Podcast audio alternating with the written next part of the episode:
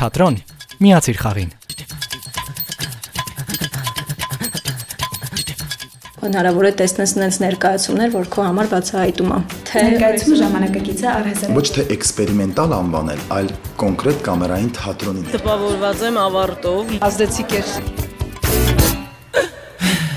Ողջույն, ես Արմինեն եմ, մասնագիտությամբ թատերագետ։ Ահա իդեպ, եթե մտածեցիր տեսնես ինչով է զբաղվում թատերագետը եւ պատասխան չգտար, մի անհանգստացիր, որովհետեւ թատրոնի մարդիկ էլ դա չգիտեն։ Ինչևէ, անցնեմ առաջ եւ ասեմ, թե ինչի մասին է լինելու ոդքասթը։ Մի անգամ դասախոսներիցս մեկը թատրոնը համեմատեց ամբուժելի հիվանդության հետ։ Վարակվեցիր եւ վերջ։ Ու քանի որ ես 10 տարուց ավելի է վարակված եմ, մտածեցի, ինչու ոչ, կարող եմ քեզ էլ վարակել։ Ասեմ, սա լավ հիվանդություն է։ Այնպես որ ես քեզ կպատմեմ թատերական էքսպերիմենտների, ժամանակակից մոտեցումների, բացօթյա թատերական հարթակների, պրեմիերաների մասին եւ ոչ միայն։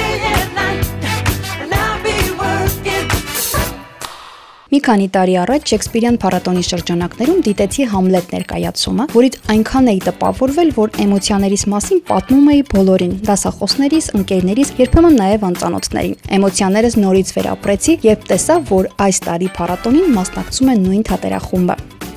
Դե ինչ, այս էպիզոդում խոսելու եմ թե ինչպես են ժամանակակից թատրոնում բեմադրում Շեքսպիրին, ինչ հետաքրքիր էքսպերիմենտներ են անում բեմադրիչները Շեքսպիրյան հերոսների հետ, ինչ ներկայացումներ կան այս տարվա ծրագրում եւ ոչ միայն։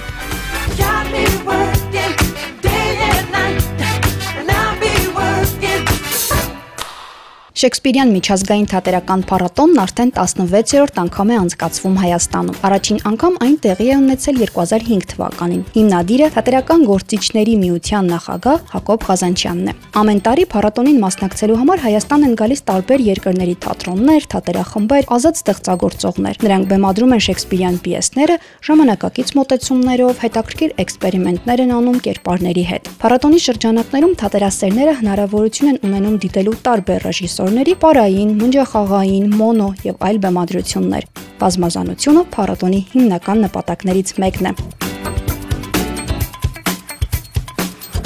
Երիտասարդ թատերագետ Գայանե Թադևոսյանը նշում է, որ կարևոր են նման փառատոնները։ Ընդհանրապես Հայաստանում լավավոր կան փառատոններ շատ ու ողջունելի է յուրաքանչյուր փառատոն։ Տարբեր երկրներից գալիս են շատ տարբեր թատերախմբեր ու հնարավոր է տեսնես նենց ներկայացումներ, որ քո համար բացահայտում է։ Թե ռեժիսորական լուծումներով, թե դերասանախաղով ու ինձ համար էլ որպես մասնագետ շատ հետաքրքիր էր տեսնել դրսից հետաքրքիր ներկայացումներ, որը օրինակ Ֆրանսիայից էր, Մոսկվայից էր ներկայացումներ, որոնք այնպիսի լուծումներով էին, եւ որ չեմ սխալվի ասել, որ ես առաջին անգամ էի տեսնում։ Այս տարի փառատոնն անցկացվելու է հոկտեմբերի 17-ից 22-ը։ Բացումը տեղի կունենա Սպենդարյանի անվան օպերայի եւ բալետի ազգային ակադեմիական թատրոնի Ռոմեո եւ Ջուլիետ ներկայացմամբ։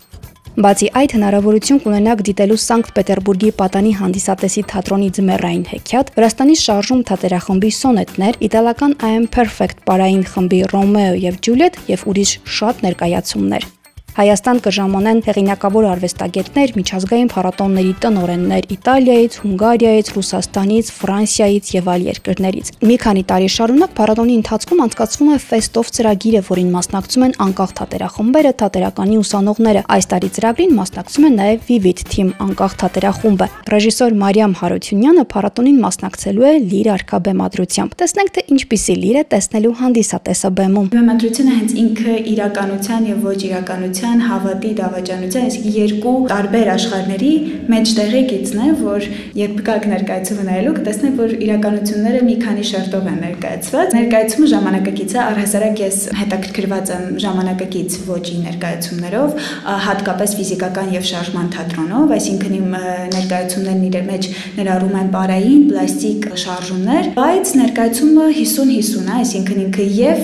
միքս է ժամանակակիցի եւ պահպանված է որոշ չափով Չեխով Շեքսպիրը, իսկ լիրիր մենք տեսնելու ենք, չգիտեմ ճակերտները բացեմ թե չէ, բայց լիրն էլ ունի այդ երկատվածությունը ու իր մոտեցումը լրիվ ուրիշ է լինելու։ Եթե խոսում եմ էքսպերիմենտների մասին, չէի կարող ճանդրադառնալ կամերային թատրոնի Համլետ ներկայացմանը։ Այն նույնպես փառատոնի ծրագրում է։ Հիմա կամերային թատրոնում եմ ու պատրաստվում եմ դիտել ներկայացումը։ Ոգևորված եմ, որովհետև կարծում եմ տեսնելու եմ հետաքրքիր, գունեղ, երաժշտական ներկայացում կամերայինի ոճով։ Ներկայացման ռեժիսոր Նարա Երնջակյանն է։ Ներկայացման երկրորդ ռեժիսոր Սենիկ Բարսեղյանը նշում է, որ սա ուրիշ Համլետ է։ Կարելի է իրեն ոչ թե էքսպերիմենտալ անվանել, այլ կոնկրետ կամերային թատրոնի ներկայացումը անվանել Համլետ ներկայացումը տարբերվում է առաջնային հենց սկսած վերնագրից, որովհետև մեզ մոտ ոչ միայն Համլետով ենք սահմանափակվում, այլ կոչում ենք իրան Համլետ կամ երկիր կործանելու ձեռնարկ այն փոփոխությունները, որը որ արված է ներկայացման կտրվածքի գործողության, միզասցենի, նորարարության, երաժշտական նորամուծությունների, որովհետև նշեմ, որ երաժշտությունը գրված է ի սկզբանե հենց Համլետ ներկայացման համար մեր Վայ Գրիգորյանի կողմից ներկայացումը երբ որ դիտում ես, դու հասկանում ես կոնկրետ զուգահեռներ, տեսնում ես կոնկրետ զուգահեռներ, թե ինչ է կատարվում քո երկրում, ինչ է կատարվում ներկայացման հիմքում ընկած տեքստի եւ բովանդակության մեջ, եթե նայում ես քո երկրի քաղաքական, սոցիալական, հոգեբանական վիճակին, դու կարող ես այս ներկայացման մեջ գտնել այդ նույն նմանությունները։ Իսկ ինչպիսի էմոցիաներով է հանդիսատեսը հեռանում։ Տպավորված եմ ավարտով, լուծումը շատ հետաքրքիր էր, համահունչ մեր օրերին։ Մի քիչ էլ վախեցնող, կարծես падգամ էր իր մեջ կրում, որ ներքին երկպառակությունները հանկարծ չհանգեցնեն այն բանին, որ ճշնամին հաղթանակած դուրս գա։ Ներկայացումը մեզ շատ դուր եկավ։ Բուն ներկայացումից կարող եմ ասել, հստակ երևում էր շատ նորացված էր բնականաբար։ Իմ հիմքում Շեքսպիրի Համլետն էր, բայց ինքը նորացված էր կամերայինի ոճով լրիվ համահունչ եւ բավականին նուրբ հնչերանգներ, սենց ելևեջներ տեսանք նաեւ այսօրվա կյանքի հետ ասոցացվող։ Մի խոսքով տպավորված եմ ապրեն իրան, ազդեցիկ էր։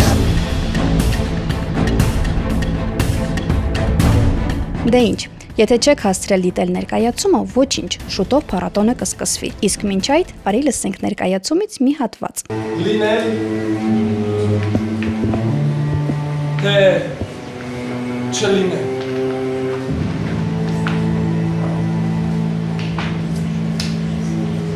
Այս է խնդիրը։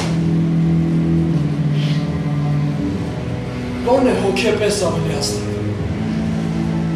Դանել գորբախտի պարսակարերն ու սլակները, թե թե զենք վերցնել ցավ ու վշտերի մի ծովի ընդեմ դիմադրելով վերջ բոլորին։ Մնացածը երևի գիտեք, հա։ Այո, բերի։ Մեռը քունը ոչինչ ավելի։ Եվ մտածել թե մի պարս քնով։ Մեկ վերջ եք տալիս այն սրտացավի եւ բյուր բնական անցկությունների, որոնց ժառանգն է մեր հեգ մարմին։ Մի բան է պտել տանեմ ակում։ Մերմել։ Ննջել։ Ննջել։ Գուցե երազել այդ ցավն այդտեղ։ Քանզի այդ մահվան քնի ժամանակ ինչ կերպ երազներ պիտի կան գուցե։ Ահա ինչ որ մեզ խորհել պետք է տա։ Թե ոչ, ով արդյոք կուզեր հանդուրժել աշխարհի այնքան նախատինքներին ու մտրակներին։ Հարստավակ չի օրինավության։ Մեծարի պատվար համարանքի։ Կամահարած սիրո տվայտանքներին։ Օրենքի բոլոր ցկցկումներին։ Պաշտոնյաների աներեսության։ Այն հարվածներին, որ համբերատար արժանավորը ստանում է միշտ անարժաններին։ Այնինչ, մարդկային հաշիվը իր ձեռքով փակ է։ Մի մեկ դաշույնով։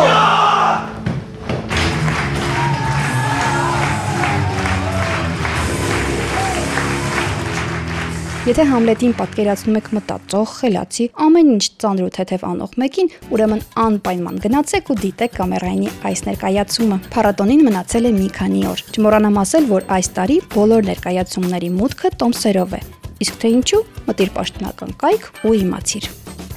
Իսկ ինձ մնում է ասել՝ միացիր ինձ հաջորդ ուրբաթ ժամը 22:00-ին։